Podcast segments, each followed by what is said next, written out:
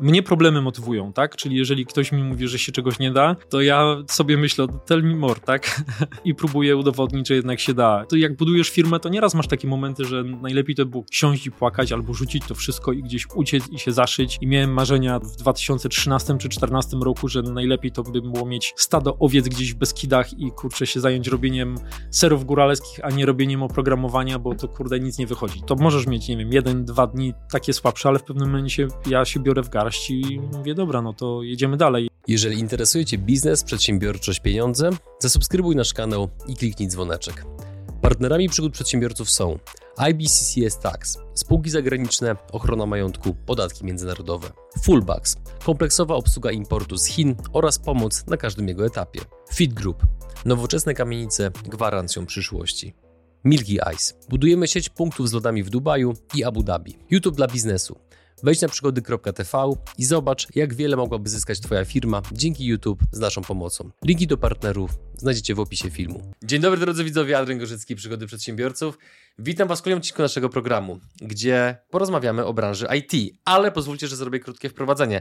Otóż, jak być może pamiętacie z lekcji historii, Prometeusz dał światu ogień, Steve Jobs dał światu iPhone'a, a nasz dzisiejszy gość i jego wspaniały zespół dał między innymi światu, Polsce, ale też innym krajom, o czym też będziemy rozmawiali, aplikację Impostu, która została już pobrana ponad 10 milionów razy, a średnia ocen z tak gigantycznej liczby pobrań to jest 5-0.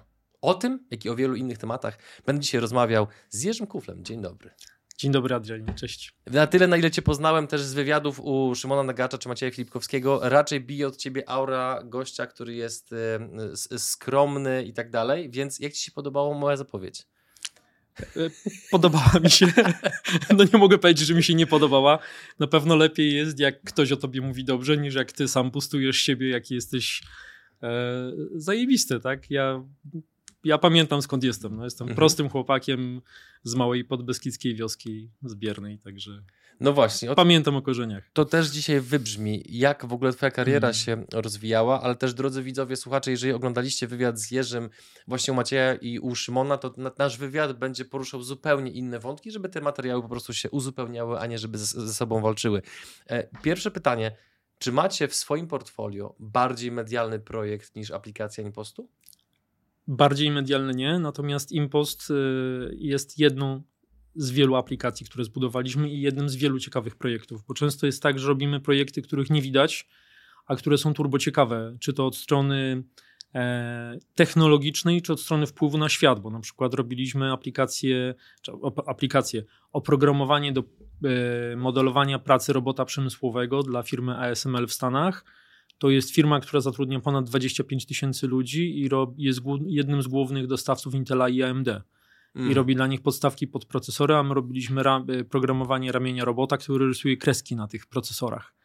Więc no, ciężko jest sprzedać medialnie e, coś takiego, ale -hmm. robiąc takiego typu oprogramowanie też czujesz, że masz wpływ na świat. Jak się pozyskuje takie zlecenie za granicą z taką firmą, która pracuje dla takich firm?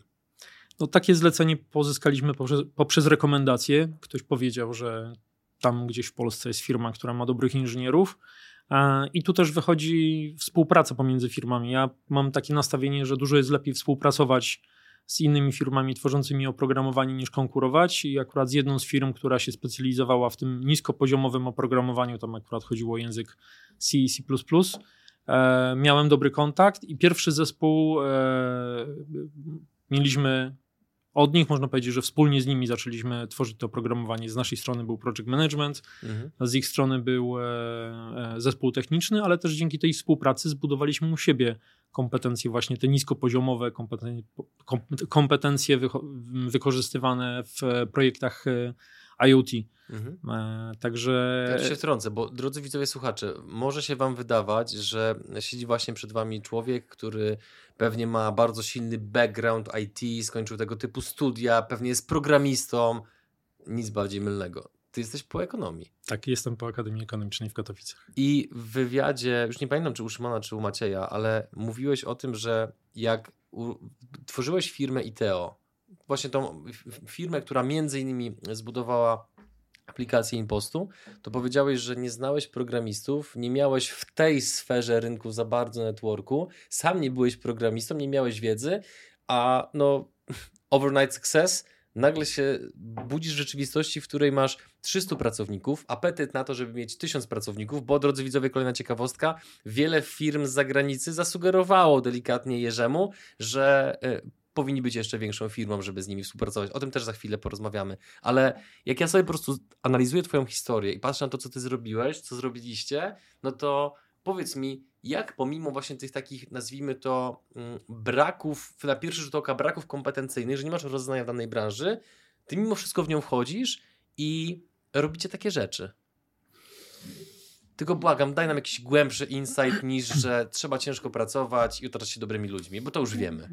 Tak, ale to ta inicjalna myśl gdzieś tam pojawiła się, nie wiem, który to mógł być rok, 2.8, 2.9, gdzie właśnie pojawił się iPhone, pojawiły się te teksty o tym, że software zjada świat, ja już byłem trochę znudzony i zmęczony prowadzeniem e, firmy sprzedającej sprzęt, bo ile można tych serwerów, macierzy e, i innych dóbr firm trzecich sprzedać. Oczywiście też fajna i ciekawa przygoda mhm. w budowie firmy, ale jeżeli chodzi o taką skalę zaawansowania i komplikacji projektów, to jest zupełnie inny świat niż tworzenie oprogramowania, tworzenie czegoś zupełnie od zera.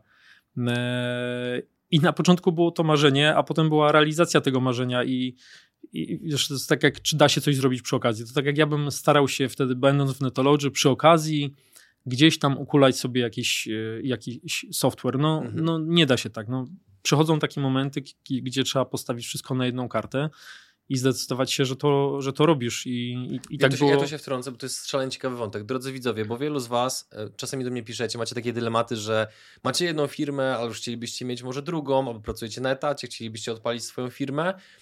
Wyobraźcie sobie, że Jerzy rozwijał firmę, która w momencie jak odchodziłeś, ona miała 20 parę milionów przychodu? Tak. Około, nie? 20 Dzisiaj ma 114, tak, tak, tak, tak, tak na marginesie. Więc ty pomimo tego, że miałeś firmę już z gotowymi strukturami, miałeś ludzi, miałeś pieniądze, miałeś kontakty, to i tak odłączyłeś się całkowicie, tak, od, od... żeby odpalić nową firmę. Tak. Naprawdę się tego nie dało połączyć? Jak, jak, jak to się mówi ładnie, na zakładkę?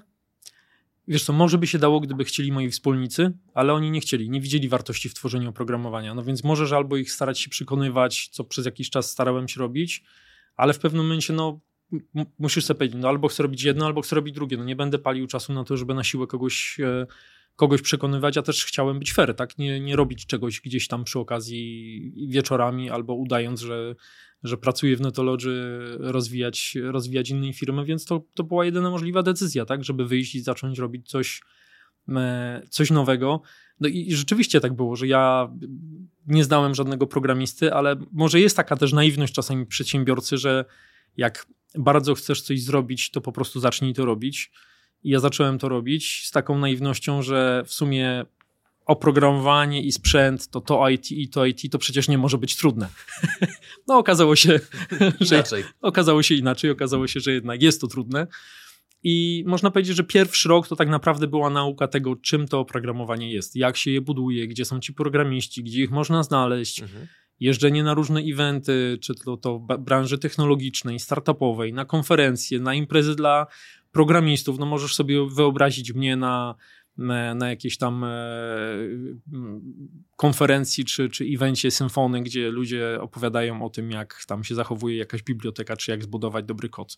Żeby zbudować network programistów, to y, mów, powiedziałeś, że jeździłeś na konferencje, gdzie jakby nie znałeś nikogo, nikogo. nie miałeś pojęcia o programowaniu tak. i budowałeś network. Tak drodzy widzowie, zapamiętajcie to sobie, jak kolejny raz będziecie próbowali budować relacje, pisząc do ludzi po prostu na LinkedInie, nie?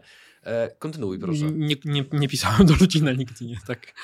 To naprawdę były, to są, nie wiem, setki, jak nie tysiące godzin spędzone na, na konferencjach i to nie tylko w Polsce, ale też i w Europie, i w Stanach, i, i w Singapurze. To też był taki w sumie fajny czas, kiedy moja siostra mieszkała w Singapurze, ja latałem do niej w e, odwiedziny, tam też e, chodziłem na imprezy E, technologiczne i na, i na konferencje i jedny, jednymi z pierwszych klientów ITEO byli właśnie klienci z Singapuru, jakieś właśnie startupy, startupy z Singapuru, dla których budowaliśmy aplikacje. E, w Singapurze jest lotnisko Changi, e, jedno z najlepszych, o ile nie najlepsze lotnisko świata i wtedy to też było takie moje marzenie, kurczę, kiedyś coś dla Changi zrobić.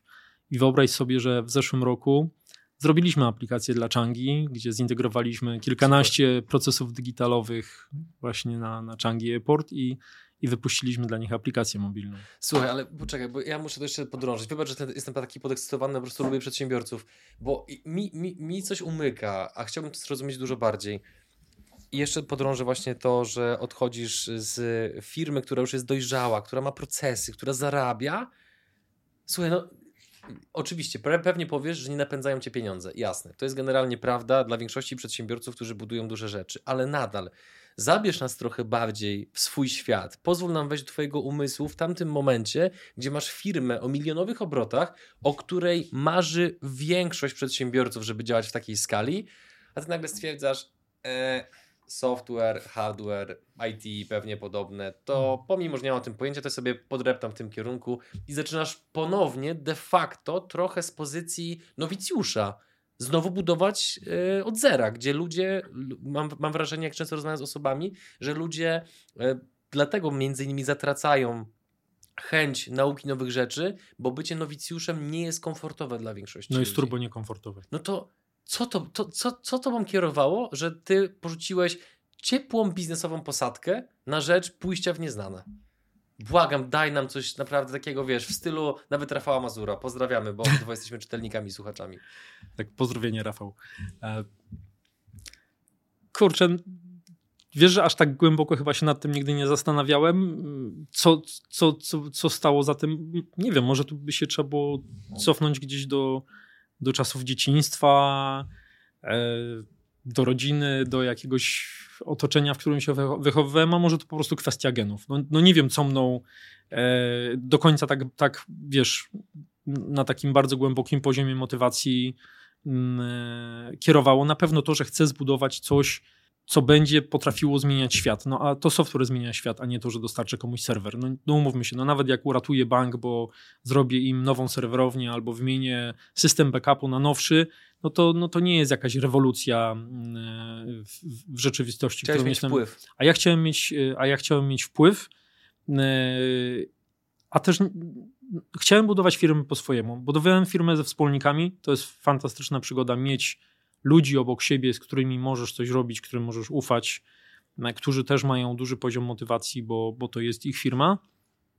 Mm, no ale w pewnym momencie, jak wiesz, że te wasze wizje się rozjeżdżają, no to, to może warto zaryzykować, tak? No żyje się raz. Ja może trochę za bardzo tam się momentami zaczytuję filozofią stoicką, ale, ale czasami mie, do, dobrze jest mieć świadomość, że żyjemy tutaj i raz jesteśmy na tym świecie i nie jesteśmy wieczni I jak sobie to uświadomisz, masz to z tyłu głowy, że tą szansę możesz mieć czasami raz w życiu, no to weź to zrób, po prostu spróbuj, no najwyżej ci się nie uda, no co najgorszego może się stać, no, no nie wiem, no zadłużysz się trochę, no to pójdę najwyżej do roboty i gdzieś będę sprzedawał. E, to chyba Rafał Mazur mówi, że najważ, tak, taką największą polisą ubezpieczeniową, jaką można mieć w życiu, jest umiejętność budowania relacji i umiejętność sprzedaży. Ja uważam, że umiejętność sprzedaży i budowania relacji mam, więc stwierdziłem, że no najwyżej mi nie wyjdzie. E, to, co musiałem zrobić, to, to na to się zdecydować. Wtedy też sprzedałem działkę, którą tam miałem i te pieniądze z tej działki, jakieś tam 150 tysięcy złotych wtedy zainwestowałem w całości mm, właśnie w ITO i można powiedzieć, że z takim kapitałem wystartowałem. A ITO dzisiaj robi 40 milionów przychodu. Tak, no, około 50 w tym roku powinniśmy zamknąć. Mhm. Skromna cieszy, nie? Tak. Eee, I mm, y, wiesz, patrząc przez, y, przez takie aspekty, to wydaje mi się, że, że warto te, te takie ryzyko podejmować i, i warto nie żałować, że się czegoś, lepiej żałować, że się zrobiło i popełniło błąd, niż żałować, a kurde, mogłem to zrobić, no mogłem. Ty, słuchaj, bo, bo, bo czy po pierwsze to, co mówisz, do mnie bardzo mocno trafia, bo też głęboko wierzę w to, że skoro jesteśmy tutaj tylko na chwilę tak naprawdę, e, bez gwarancji, że będzie jakaś reinkarnacja czy inne rzeczy, bo to są tylko i wyłącznie domysły, no to warto brać życie za rogi, ale mm, wiele osób ma dużo hamulców ręcznych pozaciąganych w swojej głowie. Czy no. ty obecnie identyfikujesz jakieś hamulce ręczne, które w głowie masz? Wiesz co, staram się identyfikować, miałem ich całą masę. Na przykład? Wątpliwości o, no choćby to, że pochodzę z małej wioski, nie? No, tak jakby wiesz, no, okay. jak się wychowujesz w Biernej, to raczej nawet człowiek z Bielska jest już jakimś tam uosobieniem sukcesu, bo mieszka w dużym mieście dla, dla takiego... To e, u, u Szymona chyba Tak, opowiada, opowiadałem o tym. Także e, no dużo było takich rzeczy, to, że nie wiem, angielskiego nie znałem albo słabo znałem, albo że się w szkole dobrze nie uczyłem, albo mogłem lepiej. No tak, każdy ma turbo dużo różnych kompleksów, tak? Mhm. E, więc ja też je miałem, staram się nad nimi pracować, gdzieś tam sobie uświadamiając, że one tak naprawdę nie mają sensu, bo wszyscy jesteśmy ludźmi, wszyscy jesteśmy do siebie podobni. E, natomiast na pewno cały czas są, tak? To, to, to jest tak, że ja czasami też mam opór w tym, żeby podejść do kogoś na konferencji i zagadać, nie? Mhm. Bo to jest e, jakiś tam turbo, turbo, turbo wymiatacz. No, Dlaczego no... większość ludzi twoim zdaniem pielęgnuje swoje kompleksy zamiast z nimi walczyć? No bo pewnie tak jest łatwiej, no. Nie wychodzisz ze swojej strefy komfortu. Żeby, żeby z nimi walczyć, musisz wyjść ileś razy ze swojej strefy komfortu. Musisz mhm. się czasami w tym e, swoim umyśle bardzo mocno zanurzyć, czasami w tych swoich problemach utaplać, w tych swoich e, kompleksach zastanowić się skąd one wynikają i ja bardzo często tak głęboko się starałem wtedy zejść do tych swoich wątpliwości na temat, na temat samego mhm. siebie. No i teraz wracając jeszcze na chwilę do wątku e, ITO, do drugiej części równania, która jest dla mnie wciąż zagadką. Wchodzisz w branżę, w której, jak już bardzo wyraźnie wybrzmiało, w sposób patrząc tak obiektywnie, nie masz na razie żadnych argumentów, żeby próbować zawojować świat. Tak. Nie? Jest chęć zmiany, jest w sensie, że zakładasz nową firmę, że chcesz mieć wpływ i tak dalej. Kumam ten fundament. Natomiast co robiłeś inaczej, że byłeś w stanie doprowadzić do tego, że macie w tej chwili 300-osobową firmę i robicie zlecenia na tak nieprawdopodobnym poziomie jakościowym, że nawet Szymon Nagacz was poleca w internecie, gdzie on na punkcie swojego wizerunku, wiem, że to oglądasz, jest bardzo, bardzo ostrożny, z kim jest na zdjęciu, kogo rekomenduje i tak dalej. Więc oczywiście tutaj mówię to pół żartem, e, pół serio, ale no, chociażby sposób działania aplikacji InPostu, to jaka jest ocena w App Store, to są wszystko namacalne dowody pokazujące nieprawdopodobną jakość tego, co wy robicie. A to zapoczątkował człowiek, który o programowaniu nie miał pojęcia. Jerzy, what happened? No może właśnie wynika to z tego, że nie miałem pojęcia o programowaniu, ale już miałem spore pojęcie o biznesie. Bo jednak sprzedając przez ileś lat to e, ten, ten sprzęt IT, rozwiązania IT, bo to nie był tylko sprzęt, ale też często usługi związane z tym sprzętem czy usługi utrzymania, to ja ten biznes rozumiałem. Mm, w innym wymiarze, ale rozumiałem, że istotne jest tak naprawdę to, jaką wartość dostaje klient i jaki jest efekt tego, co my robimy, biznesowy dla klienta, a nie samo to, czy tam będzie serwerem Della, IBM, czy kogoś tam. Ma działać. Ma działać, tak? A to, co będzie, ja często mówię, że ta aplikacja to może być i w notatniku napisana, byle działała i była niezawodna i klienci byli zadowoleni, tak? To, to, to nie ma znaczenia, a często jest tak, że jak yy, ktoś nie chce też generalizować, bo, bo, bo osoby, które są programistami i zakładały firmy, często są dużo dalej, ale często jest też, też tak, że one za bardzo skupiają się na tych aspektach, aspektach technicznych, tak? Czyli, że kod musi być tam czysty, że 300 linii kodów, yy, tam kodów w klasie, że coś tam, że moś tam ale dla ludzi biznesu to nie ma, naprawdę nie ma żadnego znaczenia. Istotne jest to, co ja z tego będę miał, czyli tak, albo wygeneruję większy przychód, albo zaoszczędzę, albo będę miał lepiej ustawione procesy. E, co tak naprawdę, jak my jesteśmy w stanie pomóc? I, e, i pewnie dlatego, patrząc w ten sposób na biznes i rozmawiając z klientami, udało mi się pozyskać te pierwsze te pierwsze zlecenia, że ja nie patrzyłem tylko przez pryzmat tego, hej, mam programistę, może byśmy ci coś tutaj napisali, albo sprzedam ci go na outsource. Ja wtedy nawet nie wiedziałem, że jest coś takiego jak outsourcing programistów pod leasing czy tam team leasing, tak? Dla mnie to było, to było projektowe sprzedawanie oprogramowania, które ma dawać klientowi jakąś realną wartość, tak? Czyli tak jak zbudowaliśmy tą pierwszą aplikację dla firmy Lelek, to ja byłem naprawdę wtedy święci przekonany o tym, że dając klientowi serwisu samochodowego aplikację, dzięki której on będzie mógł się umówić do serwisu, będzie miał całą historię swojego samochodu e, w tej aplikacji, e, będzie e, miał kontakt ze swoim doradcą serwisowym czy doradcą handlowym, to ja patrząc przez swój pryzmat człowieka, który lubi samochody, używa samochodów, widziałem w tym wartość, umiałem tą wartość odpowiednio pokazać klientom, odpowiednio sprzedać i oni też tą wartość zauważyli. Oczywiście po jakimś czasie okazało się, że nie jest do końca tak, jak nam się wydawało, ale to była jedna, jedna z wielu prób. Tak? Okazało się, że potem trzeba trochę innymi ścieżkami e, pójść, żeby tam tą, tym klientom dać dużą wartość, ale też no, ten biznes też nieraz próbuje. Tak? Ci nasi klienci też wielokrotnie robią coś na próbę i jak działa, to rozwijają dalej, jak nie działa, ubijają. To, to, to nie jest tak, że wszystkie projekty się muszą udać. Biznes też dużo eksperymentuje. Mhm. No i teraz właśnie, poruszyłeś bardzo istotny wątek, który zresztą mam na liście tematów do poruszenia. Żeby podejmować dobre decyzje, trzeba mieć doświadczenie, żeby mieć doświadczenie, trzeba podejmować złe decyzje, więc przed nagraniem jeszcze powiedziałeś mi, że macie swoje cmentarzysko. Tak. Mamy. Cmentarzysko, które jest y, fundamentem, kopalnią, szybem naftowym, z którego hmm. czerpiecie doświadczenia, które de facto dzisiaj pozwalają wam budować wspaniałe rzeczy. Opowiedz nam o waszym cmentarzysku. No to, to właśnie jednym z produktów na cmentarzu, produktów ITEO jest, e, jest Auto Plus. E, a też skąd cmentarzysko? No, Google zapoczątkował to swoje e, G-Cemetery i tam jest 14 zakładek z różnymi produktami, nie wiem czy wiesz, które zostały przez Google'a przez Google ubite i to pokazuje, że nie można się bać eksperymentowania. No my na przykład mamy tam um, aplikację E, Lottomator, która generowała losowo jakieś e, te, te liczby, które można sobie wpisać na, na kupon, czy mamy aplikację Złap Smoga, która pozwalała robić zdjęcia e, dymiących kominów i wysyłać je do gminy, że może ten ktoś pali akurat plastikiem albo jakimś dziadostwem.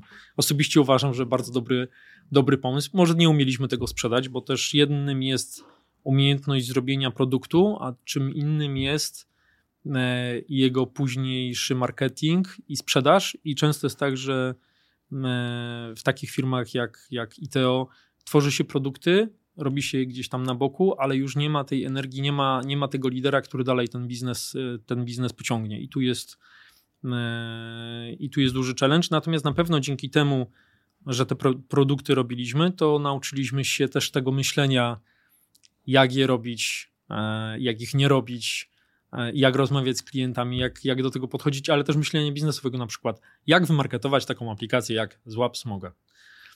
I oczywiście no, nie udało się, ale ileś doświadczeń, które zebraliśmy, to są mhm. doświadczenia, które w tej firmie są i tą firmę budują i takich, takich projektów na tym cmentarzysku naszym mamy, mamy kilkanaście. Są tam też projekty takie jak na przykład nie wiem, HR System, który miał być naszym wewnętrznym systemem. Okazało się, że taniej jest kupić finalnie system zewnętrzny, który jest i działa, a nie, a nie, a nie budować taki system dla siebie, bo to jest tak trochę jakbyśmy chcieli, nie wiem, Jira na własny użytek zbudować. No czasami po prostu nie warto, ale może warto się przekonać, a efektem ubocznym jest też to, że jak masz programistów, których chcesz nauczyć pracy, tak, zatrudniasz juniorów, a jakoś ci młodzi ludzie muszą trafiać na rynek pracy, więc zawsze jakiś tam drobny procent w firmie to są, to są juniorzy, to dajesz im taki projekt do roboty, gdzie jest PM, gdzie jest biznes analityk, gdzie jest zespół projektowy, gdzie jest cały proces i oni na e, realnym projekcie, projekcie wewnętrznym uczą się całego procesu właściwego tworzenia oprogramowania. Czego się często mogą nie nauczyć, jak pójdą mhm. na, na, kawałek do projektu, albo dla, jak dla kolegi po znajomości będą robili stronę internetową albo jakąś tam apkę. Tak, to, to nie zobaczą całego mhm. spektrum. Z tego cmentarzyska powiedziałeś, że między nimi płynie taka mądrość, żeby się nie bać eksperymentowania. Tak. I absolutnie się z tym zgadzam. Natomiast z perspektywy właśnie bardziej biznesowej niż programistycznej czy IT, jakie jeszcze inne refleksje cię nachodzą, kiedy patrzysz w kierunku tego cmentarzyska? Mm, no takie, że pewnie parę fajnych samochodów by stało pod biurem, gdybyśmy tego nie robili. To takie, no ale to tak, mhm. że tak powiem w ramach żartu. Mhm. e, bo to też kosztuje, tak? E, I, I, jeżeli chcesz takie rzeczy robić, to trzeba mieć świadomość, że to kosztuje i, i jeżeli patrzysz tylko przez pryzmat finansów, które są oczywiście bardzo ważne, bo bez tych finansów, stabilnego cash flow, zysku, no, no nie da się budować firmy, nie da Oczywiście. się reinwestować, tak? tak? Natomiast jeżeli sobie nie, nie założysz, że dobra, to część tej kasy przypalę, żeby się nauczyć, sprawdzić, spróbować, to wiele fajnych rzeczy nie wyjdzie i e, Jeden, jednym z produktów, który nam wyszedł, to jest cyfrowa centrala telefoniczna, slash dyspozytorska i platforma botów głosowych. I dzięki tym iluś projektom nieudanym, ten projekt nam wyszedł technicznie i wychodzi biznesowo, bo w odpowiednim momencie zdecydowaliśmy się, ok, to już jest na takim etapie, że wydzielamy to do, do osobnej spółki, powołujemy w niej prezesa, osobny zarząd, e, dział handlowy, jest dedykowany zespół techniczny nieruszalny do innych projektów i ten biznes zaczyna się toczyć. E, I ten biznes mhm. zaczyna pozyskać. Taki spin-off trochę, tak? Tak, zrobiliśmy, zrobiliśmy spin-off. Mhm. E, I to też taka ciekawa historia, że Miejski Zakład Autobusowy w Warszawie ogłosił przetarg na właśnie dostarczenie nowej centrali dyspozytorskiej. I my wtedy, nie mając jeszcze nic, ale mając doświadczenia z jednego z projektów, za który klient nam nie zapłacił, wystartowaliśmy w tym przetargu i go wygraliśmy. I w tym momencie obsługujemy, jak właśnie ITO Voice Solutions, Miejski Zakład Autobusowy w Warszawie, gdzie ponad 800 autobusów jest podpiętych pod tą naszą centralę dyspozytorską e, kilkoma różnymi kanałami, bo i telefonicznie, i poprzez radio, telefon w systemie Tetra, i, i SMS-y. E, także mamy realny wpływ, można powiedzieć, na życie stolicy. Tak jak nasza centrala, centrala nie działa, to, to tak, że tak powiem, może mocno wpłynąć na korki w Warszawie na przykład. Wy naprawdę robicie grube rzeczy. Tylko tych rzeczy nie widać. Trudniej je pokazać niż aplikacje Impost. No i, i, słuchaj, a propos tego kolejne pytanie, no bo mm, podejrzewam, że takie coś może pojawić się w głowie wielu osób, które chciałyby coś zmienić, które chciałyby wejść w jakąś branżę, ale być może czują właśnie opory wynikające z tego, że nie znają się wystarczająco mocno. Ty budując ITEO musiałeś otoczyć się siłą rzeczy programistami. I teraz nie wiem, jak to pytanie zadać delikatnie, więc zadam je wprost. W jaki sposób zbudowałeś respekt względem siebie ze strony programistów, gdzie oni siłą rzeczy prawdopodobnie stosunkowo szybko orientowali się, że ty nie masz pojęcia o programowaniu, a chcesz zbudować firmę programistyczną? A wiesz co, ale ja też tego nigdy nie ukrywałem, że ja się na programowaniu nie znam. E, natomiast ja budowałem im wizję wspólnej budowy fajnej firmy, w której będą mogli realizować siebie jako programiści, a ja im się nie będę mieszał. Ja im nie mhm. mówię, jak oni mają pisać kod. Ja mam e, jakiś talent do tego, żeby znajdywać ludzi dobrych w różnych obszarach, w tym dobrych, dobrych technicznie. E, I myślę, że tutaj dużym komfortem jest to, że mają dużą swobodę działania, czyli jak budują zespół, jak budują programowanie, jak podchodzą do pracy ja nie przyjdę i nie zajrzę, a czemu tą linijkę tak napisałeś, a nie inaczej, a czemu ta architektura jest taka, a nie śmaka. Tutaj im się totalnie nie mieszam i tutaj, tutaj mają pełną swobodę, a ja daję im to, czego oni nie mają często, czyli tą umiejętność wymyślania e, projektów, pomysłów dla ludzi, sposobów dotarcia do klienta, rozmów z klientami, generowania projektów, generowania pomysłów. To tutaj na zasadzie synergii. Uzupeł... Taka symbioza między wami tak, po prostu. Tak, taka symbioza, synergia, uzupełniamy się. Aha. E, ale to jeszcze podrążę, bo moje doświadczenia są takie, być może innych są inne, ale to jest mój program, więc będę mówił o swoich.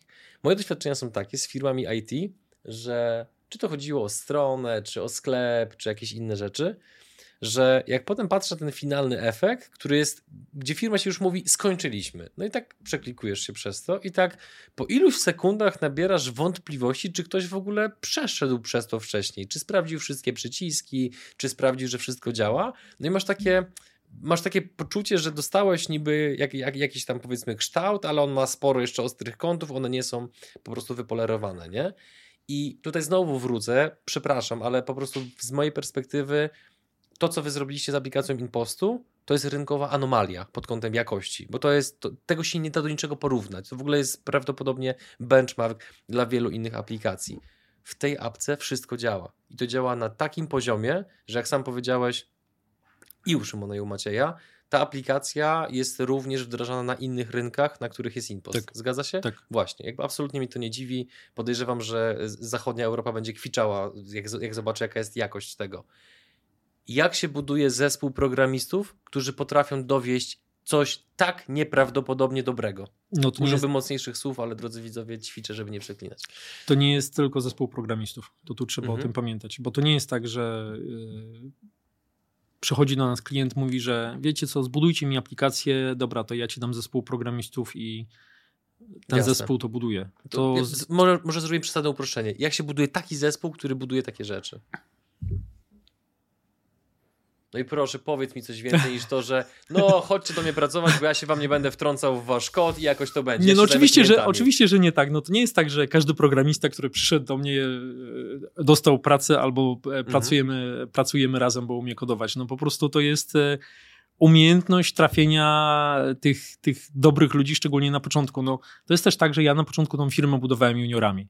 Nie było mnie stać na turbo doświadczonych koksów e, za ciężkie pieniądze, więc wybrałem jakąś tam grupę mądrych ludzi, czy to jeszcze na studiach, czy zaraz po studiach, albo gdzieś tam na, na, na końcówce studiów, ale takich, w których widziałem, e, widziałem potencjał i to z nimi e, zaczynaliśmy tą, tą firmę budować, ale potem jak dokładaliśmy kolejne działy, właśnie czy to, czy to zespoły backendowe, czy zespół UI-owy, czy UX-owy, to te rekrutacje pierwsze tych, tych kluczowych osób, tych liderów prowadziłem ja i bazowałem na tym moim czuciu do, do człowieka, czyli oprócz tego, że ty umiesz narysować e, ładną grafikę albo ładną makietę, e, to jak myślisz, co chcesz zrobić, jak podchodzisz do pracy, no to jest nie wiem, czy to się da tak wprost wyłożyć, tak? Bo, bo z jednej strony to jest ileś umiejętności technicznych, które warto sprawdzić, ale nawet jak ktoś będzie, nie wiem, turbotechnicznym koksem, to się może okazać, że będzie toksyczny w organizacji i będzie cię wkurzał, albo będzie wkurzał innych i będzie ci rozbijał firmę od środka, tak? Więc tu się wiele rzeczy musi i tych twardych, ale też tych miękkich zgrać. I wydaje mi się, że też w tych obszarze nawet mi się nie wydaje, jestem pewien, że jestem dobry w wyszukiwaniu tych ludzi, którzy mają ten taki miękki skill też i umieją się dogadywać z innymi, umieją zadawać odpowiednie pytania, bo często właśnie na początku jak przychodzi klient z pomysłem, to on do końca nie wie, czego chce, więc my musimy się najpierw dowiedzieć, co ty klienci chcesz i tobie też pokazać, co chcesz, bo to, że przychodzisz z mglistym pomysłem, ja bym chciał aplikację, która coś tam będzie robić i wiesz, i tamten, to, to to jest tak mgliste, że poprzez, dopiero poprzez odpowiedni proces, system zadawania pytań, e, pokazywania różnych przykładów, dzielenia się naszymi doświadczeniami, my wyciągamy tą esencję, do której się, siadają nasi UX-owcy, rysują pierwsze makiety i my pokazujemy klientowi, jak to może wyglądać i wtedy już możemy robić pierwsze testy, pierwsze badania, tak? I, yy, i to jest cały ten proces i to w tym miejscu się zaczyna tworzenie dobrego oprogramowania, nie w tym, że tam będzie zajebiście kod napisany. To jest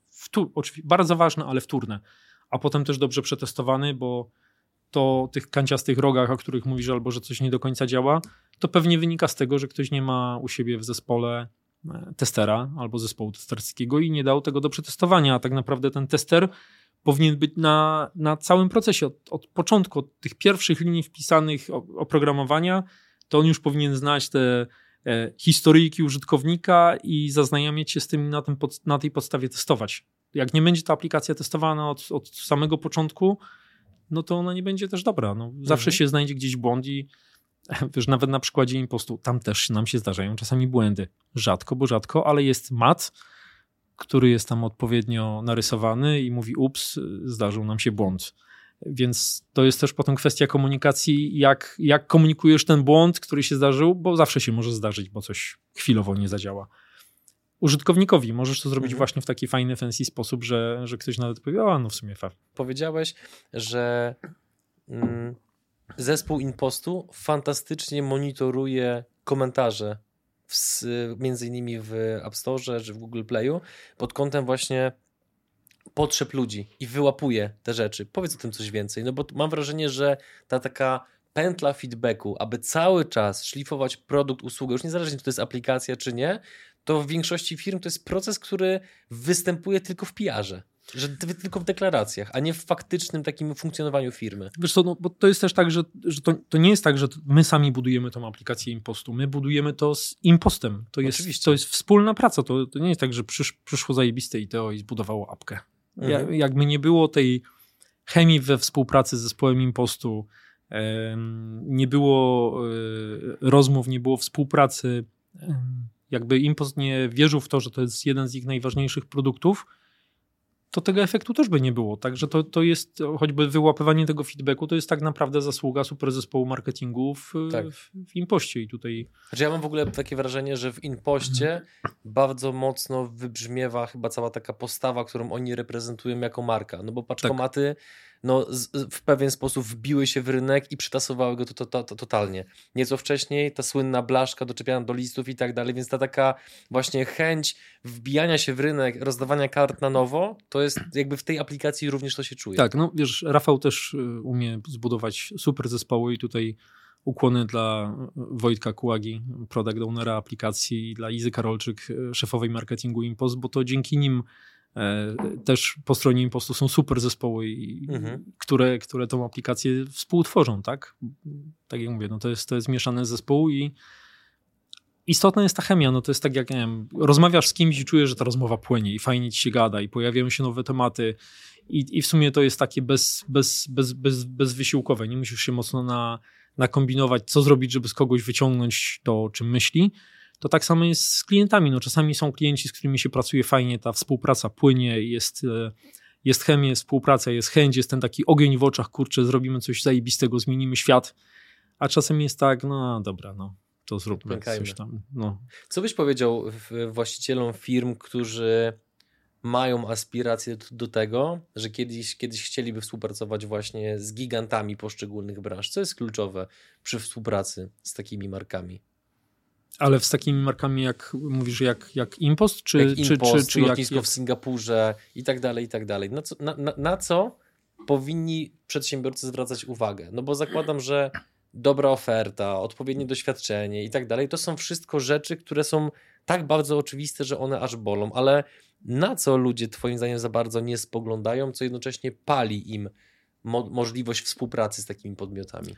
Na patrzenie na biznes klienta jak na swój biznes i patrzenie na ten biznes klienta jego oczami. Co mogę zmienić, co mogę poprawić, e, jak mogę sprawić, że będę generował więcej e, przychodu, jak sprawię, że moi użytkownicy będą bardziej zadowoleni. Bo jak, jak rozmawiasz z klientem o jego biznesie, jego językiem, to jest zupełnie inna rozmowa niż jak idziesz do niego i mówisz. Ja kup pan aplikację. Tak, kup pan, kup pan apkę.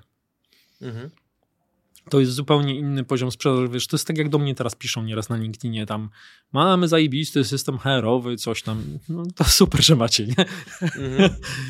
I czasami coś tam odpowiem, ale w większości na takie, i tutaj też wszystkich przepraszam, że nie odpowiadam, ale nie będę na takie wiadomości odpowiadał. No, jak, jak ktoś chce mi coś na siłę sprzedać na LinkedInie albo piszą do mnie firmy software'owe z Ukrainy albo gdzieś tam ze świata, z Indii, że tam we have e, access to cheap developers, ble, ble, ble, no to super, że macie. No, ja też mam. Mhm. E, I umówmy się na 15 minut rozmowy, żeby przedyskutować, co, co, czego może, mógłbyś od nas potrzebować. Kurczę, nie mam 15 minut. Naprawdę, ja 15 minut wiem, jak lepiej wykorzystać, niż jak porozmawiać o tym, kto na siłę chce mi coś sprzedać. Bo jak ja będę chciał kupić, to wiem, gdzie kupić. I tak większość klientów też do tego podchodzi, że klienci albo wiedzą, albo im się nieraz wydaje, że wiedzą, ale nie, chyba nikt nie lubi takiego hard sellingu. No, mhm. lubisz?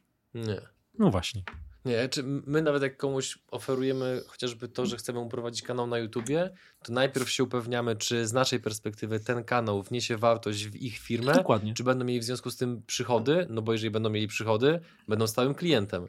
Więc jeżeli mamy marnować tak naprawdę energię po to, żeby ktoś jednorazowo kupił, żeby po kwartale się zorientował, że on tego nie potrzebuje, to to jest bez sensu. Tak. Lepiej skupić się na tych klientach, którzy potem na lewo i prawo będą mówić, działajcie z nim, bo oni są uczciwi i pracowici. Tak. Nie? E, a propos 15 minut, które można lepiej wykorzystać, co ty masz w rękach, powiedz? I nie pytam o szklankę. A to są e, piłeczki do żonglerki. To jest akurat no, no, nowy Mówiliśmy zakup. się, że powiesz, jak ich wykorzystujesz, po co je wykorzystujesz, bo być może tak, ktoś z naszych to, widzów to, się zainspiruje. To wykorzystuję je po to, że jak są takie momenty, że jesteś przeładowany w ciągu dnia ilością pracy, pomysłów, e, coli, e, myślenia albo problemów, to, to warto sobie uświadomić, że, że, żeby się odnaleźć tu i teraz i tak, że tak powiem, trochę scentrować to mam w, mam w biurze trickboarda, czyli taką deskę e, na rolce, mhm. na której trzeba łapać równowagę i właśnie te piłeczki do, żong do żonglerki wystarczy, że pożongluję 3-5 minut i, i ten mózg wraca na taki dużo wyższy poziom koncentracji.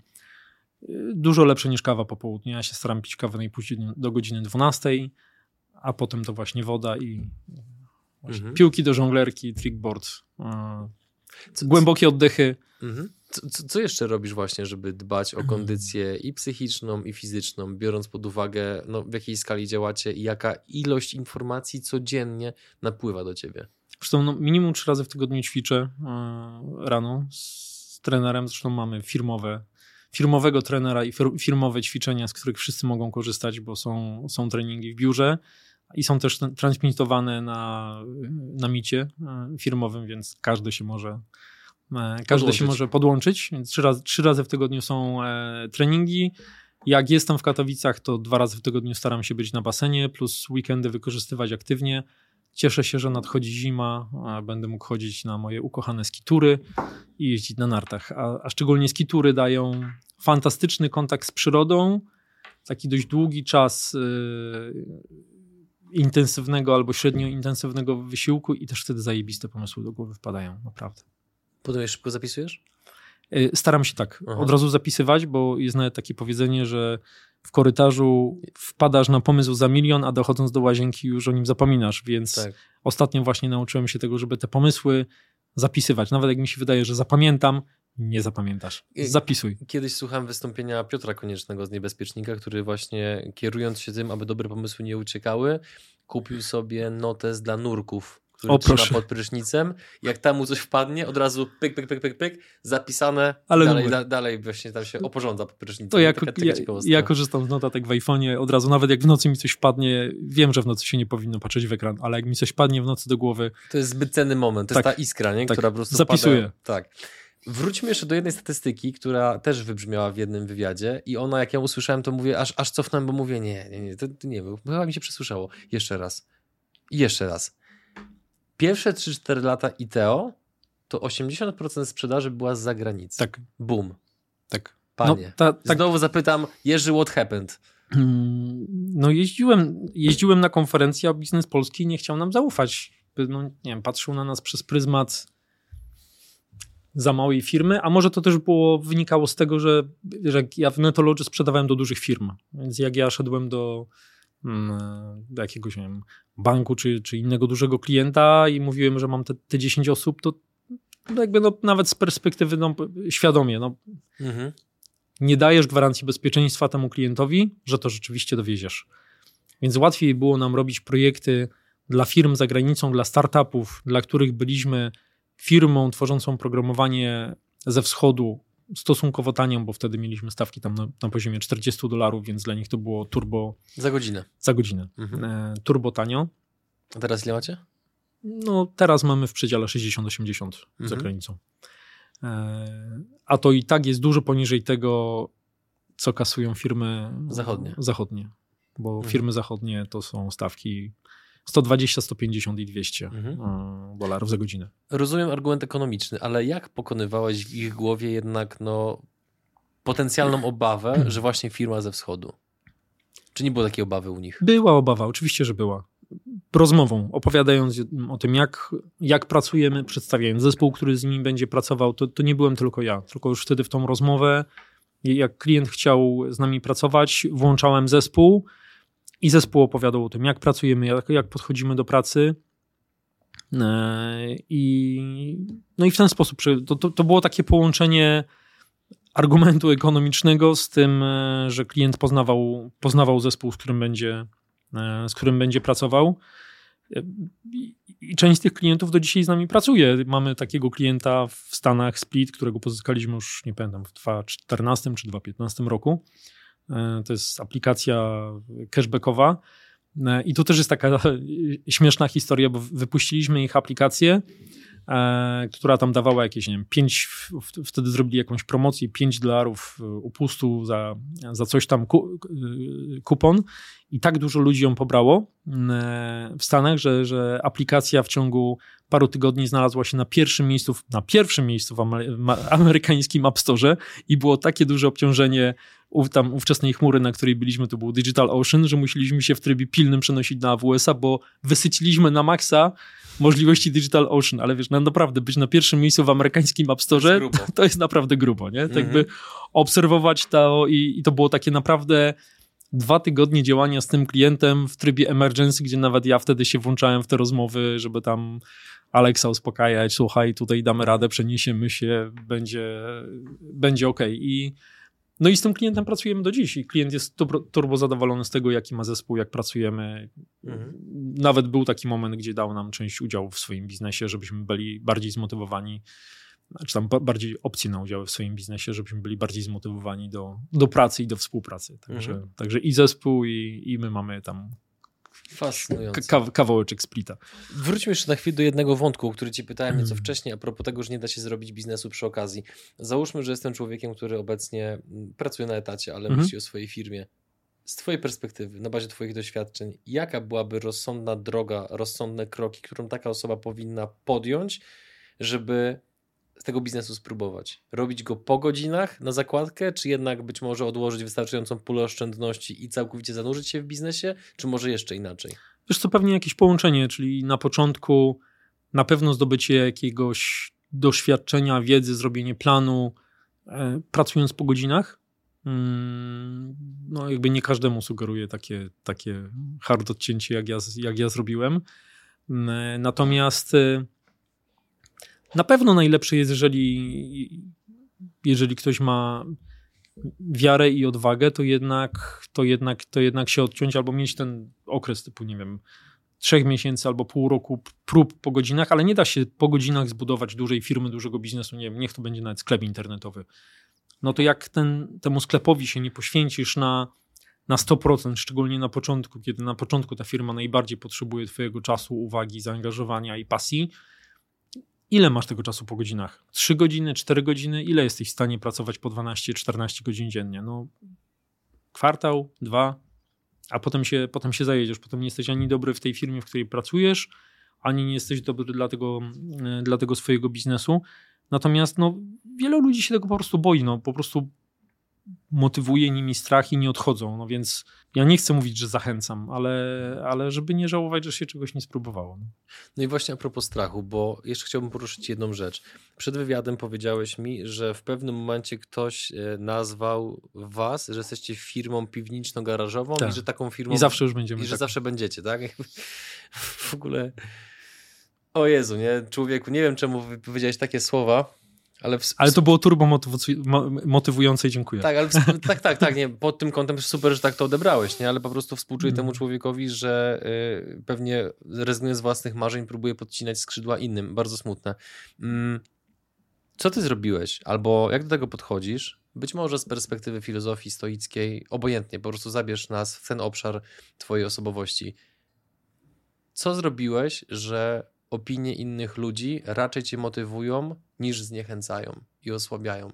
No bo jednak przerażenie, które wywołuje niepochlebna opinia otoczenia, to jest coś, co jest jednym z największych takich hamulców dla większości ludzi. Ja to nawet widzę, obserwuję w swoim otoczeniu. Mam, znam masę utalentowanych, pracowitych ludzi, którzy po prostu momentalnie napełniają pampersa, na perspektywę o tym, że co powie otoczenie, jak właśnie będą chcieli zrobić to czy tamto. A ty jednak z perspektywy, oczywiście z perspektywy dzisiejszego dnia, można powiedzieć, że zawodowo bardzo, mówiąc kolokwialnie, ogarniasz. No ale przechodzenie z hardware'u na software podejrzewam, że u niektórych osób powodowało drapanie się po głowie, co ten Jerzy w ogóle wymyślił, że idzie w takim kierunku. No Więc to... siłą rzeczy musiałeś słyszeć różne opinie, a opinia piwniczno-garażowa jest jedną z nich. No to, to wiesz, to, to chyba większość opinii, które słyszałem była negatywna, nie? Co ty, Jurek, robisz i po co się pakujesz w coś takiego i że w ogóle to jesteś w ciemnej Mhm. E, natomiast y, ja, ja nie wiem, czy to jest kwestia charakteru, czy podejścia, czy to można w sobie wypracować, że mnie takie. Mnie problemy motywują, tak? Czyli jeżeli ktoś mi mówi, że się czegoś nie da, to ja sobie myślę, tell me, tell me more, tak? E, I, i, I próbuję udowodnić, że jednak się da. I wiesz, to, to, to jak budujesz firmę, to nieraz masz takie momenty, że najlepiej to było, kurczę, nie wiem, siąść i płakać albo rzucić to wszystko i gdzieś ucio, uciec i się zaszyć i, i miałem marzenia tam, nie wiem, w 2013 czy 2014 roku, że najlepiej to by było mieć stado owiec gdzieś w Beskidach i kurczę się zająć robieniem serów góraleckich, a nie robieniem oprogramowania, bo to kurde nic nie wychodzi, tak? No ale to możesz mieć, nie wiem, jeden, dwa dni takie słabsze, ale w pewnym momencie ja się biorę w garść i mówię, dobra, no to jedziemy dalej. To jest moja wewnętrzna decyzja, że ja tą firmę robię. Mogę jej nie robić. Jak mi się nie chce, a wczoraj mi się nie chciało jechać do Bydgoszczy. Mhm. Miałem pod rozumieniem Wrocław, potem przyjazd do Bydgoszczy, a cały zeszły tydzień spędziłem e, w Szwajcarii. I mówiąc wprost, przyznam ci się, Adrian, nie chciało mi się jechać. Mhm. Ale rano sobie tak siadłem i sobie pomyślałem, ale ty nie musisz jechać. Ty chcesz. Chcesz czy nie chcesz? Chcę. I jak sobie uświadomisz, że jednak robisz to, bo chcesz to robić, a nie musisz to robić, to od, od razu podejście jest inne. I wtedy się sam do siebie uśmiechnąłem. I to był jeden z lepszych dni ostatnich tygodni w moim życiu. Wczoraj, te moje wczorajsze spotkania, i od razu mi się zachciało, i dzisiaj mi się chce tu być. Także to jest kwestia też tego przestawienia sobie w głowie, czy ja naprawdę muszę, czy ja chcę. Bo jak mhm. muszę, to może nie chcę, to, to nie rób to nie wiem, nie zrób, zostań w domu albo zostaw to. Nic nie musisz. Mhm. Rób wtedy jak, jak, jak chcesz, a to jak to zrobić, żeby, żeby pokonywać te problemy. Wiesz, no ja, ja przeszedłem tyle różnych problemów i cały czas przechodzę, bo to wiesz, jak, jak firmę rozwijasz i jak sobie wymyślisz, że zrobisz teraz, nie wiem, firmę w Szwajcarii, no to nie jest tak, że jeżdżasz do Szwajcarii, każdy Jerzy, z otwartym, czekaliśmy, czekaliśmy na ciebie. czemu, dopiero, czemu dopiero teraz, nie? Mhm. To, to, to nie jest tak prosto, tak? To też wymaga dużo, dużo wysiłku, zaangażowania, yy, spalonej kasy i nie masz pewności, że się uda, tak? Ale, ale ja to też traktuję jako, jako kolejną przygodę, a uważam, że promowanie dobrego imienia Polski za granicą gdzie mamy naprawdę coraz lepszą opinię i jest, jest, tego, jest tego warte. Swiss Made Software też brzmi dobrze i, i, właśnie mam taką strategię, żeby gdzieś tam przez tą e, Szwajcarię w świat, w świat wychodzić, ale to jako, jako, jako dygresja. Tak? Natomiast mhm. jeszcze wracając do tej kwestii tej firmy piwniczno-garażowej i tego, że jestem w ciemnej idee, to takie teksty mnie motywowały gdzie ktoś mi mówił, że się nie da, a ja ci udowodnię, że się da, bo to nie jest lot na księżyc. No, zbudowanie firmy, no, z całym szacunkiem, moi drodzy, to nie jest lot na księżyc. Na księżyc na pewno jest trudniej polecić, zbudować rakietę, niż zbudować firmę, nawet wielkości, nie wiem, tysiąca czy pięciu tysięcy ludzi. Mhm. E, trzeba się, jest jakiś zespół no, zasad i reguł, których, których warto się trzymać, e, ale też warto po prostu się nie poddawać. A często jest tak, że ludziom jest w ogóle zbudowana chyba taka mitologia tego sukcesu, takiego overnight success, tam założył firmę i już było zajebiście, albo tam założył i prowadzi i w ogóle tam, nie wiem, jeździ, kurczę, e, Porsche i, i ma zajebiście. Nie, no na pewno ma pierdyliard różnych wyzwań i problemów, e, tylko, tylko się nie poddaje, a, a ludzie są, ludziom się wydaje, że to jest takie, że jak już przyjdzie, to będzie. Nie, to często to utrzymanie i rozwój jest też równie trudne, a czasami nawet trudniejsze niż te początki. E, I to tego też trzeba mieć świadomość, że, że czasami naprawdę fajnie jest być pracownikiem gdzieś, nie? Z pracownikiem w branży IT możesz naprawdę bardzo wygodnie i komfortowo żyć, jeździć po świecie, pracować z byle kąt, i tak naprawdę nie masz żadnej odpowiedzialności, no bo mówmy się, no, no, no, nawet jak jesteś programistą i popełnisz błąd, no to co się stanie? No to programista go wyłapie, a nawet jak się gdzieś coś sypnie na produkcji, no to się to, to, się, to się to naprawi. A ty jak w biznesie się grubo pomylisz, no to może to cię kosztować miliony, tak? No i też prowadzenie biznesu nie, nie jest dla każdego. Nawet jak czasami ludzie marzą o biznesie, to może niekoniecznie jest to dla nich. No, to, to, nie każdy jest przedsiębiorcą, typem przedsiębiorcy, typem fightera, typem tego, że nie wiem, nie uda mi się raz, drugi, trzeci, piąty, dziesiąty. Tak jak nie każdy jest koszykarzem, nie? Dokładnie tak, ale to jest bardzo dużo analogii ze sportem. Na, na przykład jako tam młody człowiek byłem wielkim fanem e, Bodiego Millera i to był gość, który nie ukończył największej liczby e, startów narciarskich. On nie ukończył prawie 40% startów, w których wystartował ale przy tym miał największą liczbę zwycięstw największą liczbę medali olimpijskich wtedy i tam tych, tych ileś razy tą wielką kryształową kulę zdobył. Więc on się nie bał popełniać tych błędów, a dla niego błąd to było nieraz wy, wypadnięcie z trasy i tam mocne, e, mocne poturbowanie się. I jak patrzysz na te analogie, no to często tak jest właśnie w tym biznesie, że wiele razy musisz kurczę wypaść, się poturbować, nie uda ci się, ale potem ważne jest to, żeby ta suma, ta, ta, ta, ta, ta suma była na, finalnie na plus. Pewnie podobnie działają fundusze VC, tak? Kurczę, nie wiem, jak się uda jeden projekt na 100 i ten jeden zwróci wszystkie te 100. No. Mhm. E, a jeszcze tak nawiązując do Bodiego Millera, to poznanie go było moim marzeniem i wyobraź sobie, że pisaliśmy aplikację dla szwajcarskiego startupu, w którym Body Miller jest inwestorem i miałem okazję osobiście, co prawda o, osobiście online, ale poznać Body'ego Millera i być z nim Rewelacja. Także to też taka, to też taka historia, jak po, czasami po, po kilkunastu latach marzenia się potrafią potrafią spełnić, a, a pamiętam jak jeszcze w Netology mieliśmy taki, żeśmy się śmiali, że mamy Body Miller Team i, i byliśmy takim, mhm. taką gru, grupą fanów Body'ego. W wywiadzie u Macieja wybrzmiało takie zdanie, które Maciej cytował chyba, którego autorem jest Jeff Bezos, że jestem zbudowany z blizn, mhm. więc wykorzystując tą analogię, można przyjąć, że blizny to są na swój sposób trochę takie ordery, które mają przedsiębiorcy, jak generałowie, którzy wpinają sobie po tak. różnego rodzaju bitwach, misjach, w których brali udział. Patrząc z perspektywy czasu, z których blizn jesteś najbardziej dumny? Z których orderów jesteś najbardziej dumny? To jest dobre pytanie. Jezu, rozpływam się za każdym razem, jak to słyszę. Dobra, dobrze się przygotowałem. To jest dobre pytanie. Wiesz co, chyba z tych z tych blizn, w których jest kilka takich blizn. Momenty, kiedy ktoś nam nie zapłacił dużych pieniędzy. Ile to jest dużo dla was? To na różnych etapach to były różne pieniądze, bo jak zaczynaliśmy to dużo to było, nie wiem, 50 albo 80 tysięcy, a teraz dużo to jest milion, yy, a mamy, mamy w tym momencie dłużnika, który nam wisi ponad milion. No i musisz być na to gotowy, że ktoś ci nie zapłaci tyle i musisz dalej funkcjonować. Może zapłaci, może nie zapłaci, to jest akurat startup, któremu tam z różnych przyczyn się skończyło, e, skończyło finansowanie.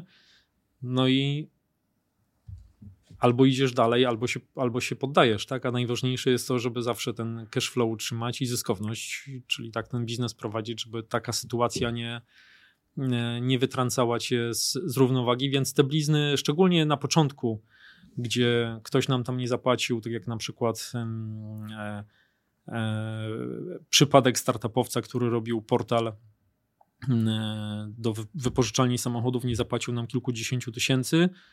My zapłaciliśmy wszystko zespołowi, który wtedy wypożyczyliśmy do, do, do, do, do pomocy. Potem ścigaliśmy tego, tego gościa, łącznie z tym, że wynajęliśmy prywatnego detektywa, bo oczywiście nasze sądy polskie nie mogły znaleźć dłużnika i ten detektyw go znalazł. Okazało się, że najpierw się ukrywał w domu, a potem ukrył się w klasztorze. Został mnichem, czy tam zakonnikiem. Naprawdę? tak, gość został zakonnikiem. Ale to jest nie koniec tej historii, bo my ten kawałek tego oprogramowania, w związku z tym, że nam gość nie zapłacił, to zgodnie z prawem było, e, było nasze, bo przekazanie praw było dopiero po zapłaceniu całości. Wzięliśmy i mm, rozmawialiśmy wtedy z Itaką, która okazało się, że podobnego, podobnej funkcjonalności w ramach swojego portalu potrzebuje właśnie do wynajmu e, samochodów i kawałek tego oprogramowania im sprzedaliśmy za połowę tego, czego nam gość nie zapłacił. Resztę im, resztę im dopisaliśmy i w ten sposób Itaka została jednym z naszych głównych klientów. I, i od, od wtedy, to było nie wiem, 2.13 albo 2.14 rok, pracujemy z Itaką, zrealizowaliśmy dla nich szereg dużych projektów. E, i, i jest to też nasz fantastyczny klient, i też taki klient, gdzie, gdzie ta współpraca jest taka naprawdę partnerska, jak y, taka kolejna blizna, można powiedzieć, to jest COVID, gdzie przyszedł ten czas COVID-u. E, między innymi taka zadzwoniła i powiedziała, tam szef IT zadzwonił powiedział, Jurek, muszę zakończyć współpracę, bo widzi, że biznes nam stanął, a mieliśmy tam chyba wtedy 10 osób.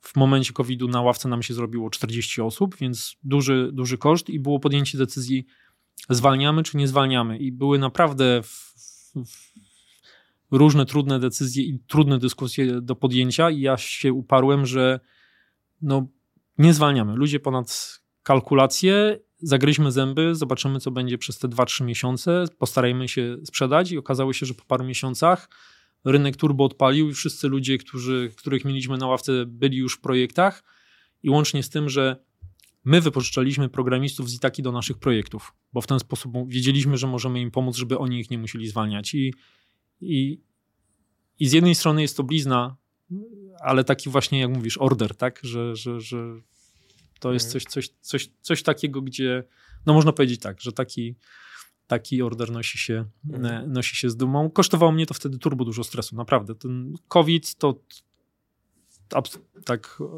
abstrahując od początków, to taki drugi, drugi bardzo, bardzo trudny czas, te parę miesięcy COVID-u. Pierwsze w, czyli, w historii ITO. Czyli powiedzenie nie ma tego złego, co by na dobre nie wyszło. Jest prawdziwe, jest czy może nie zawsze? Nie za, pewnie nie zawsze, ale w mhm. większości, w większości przypadków tak.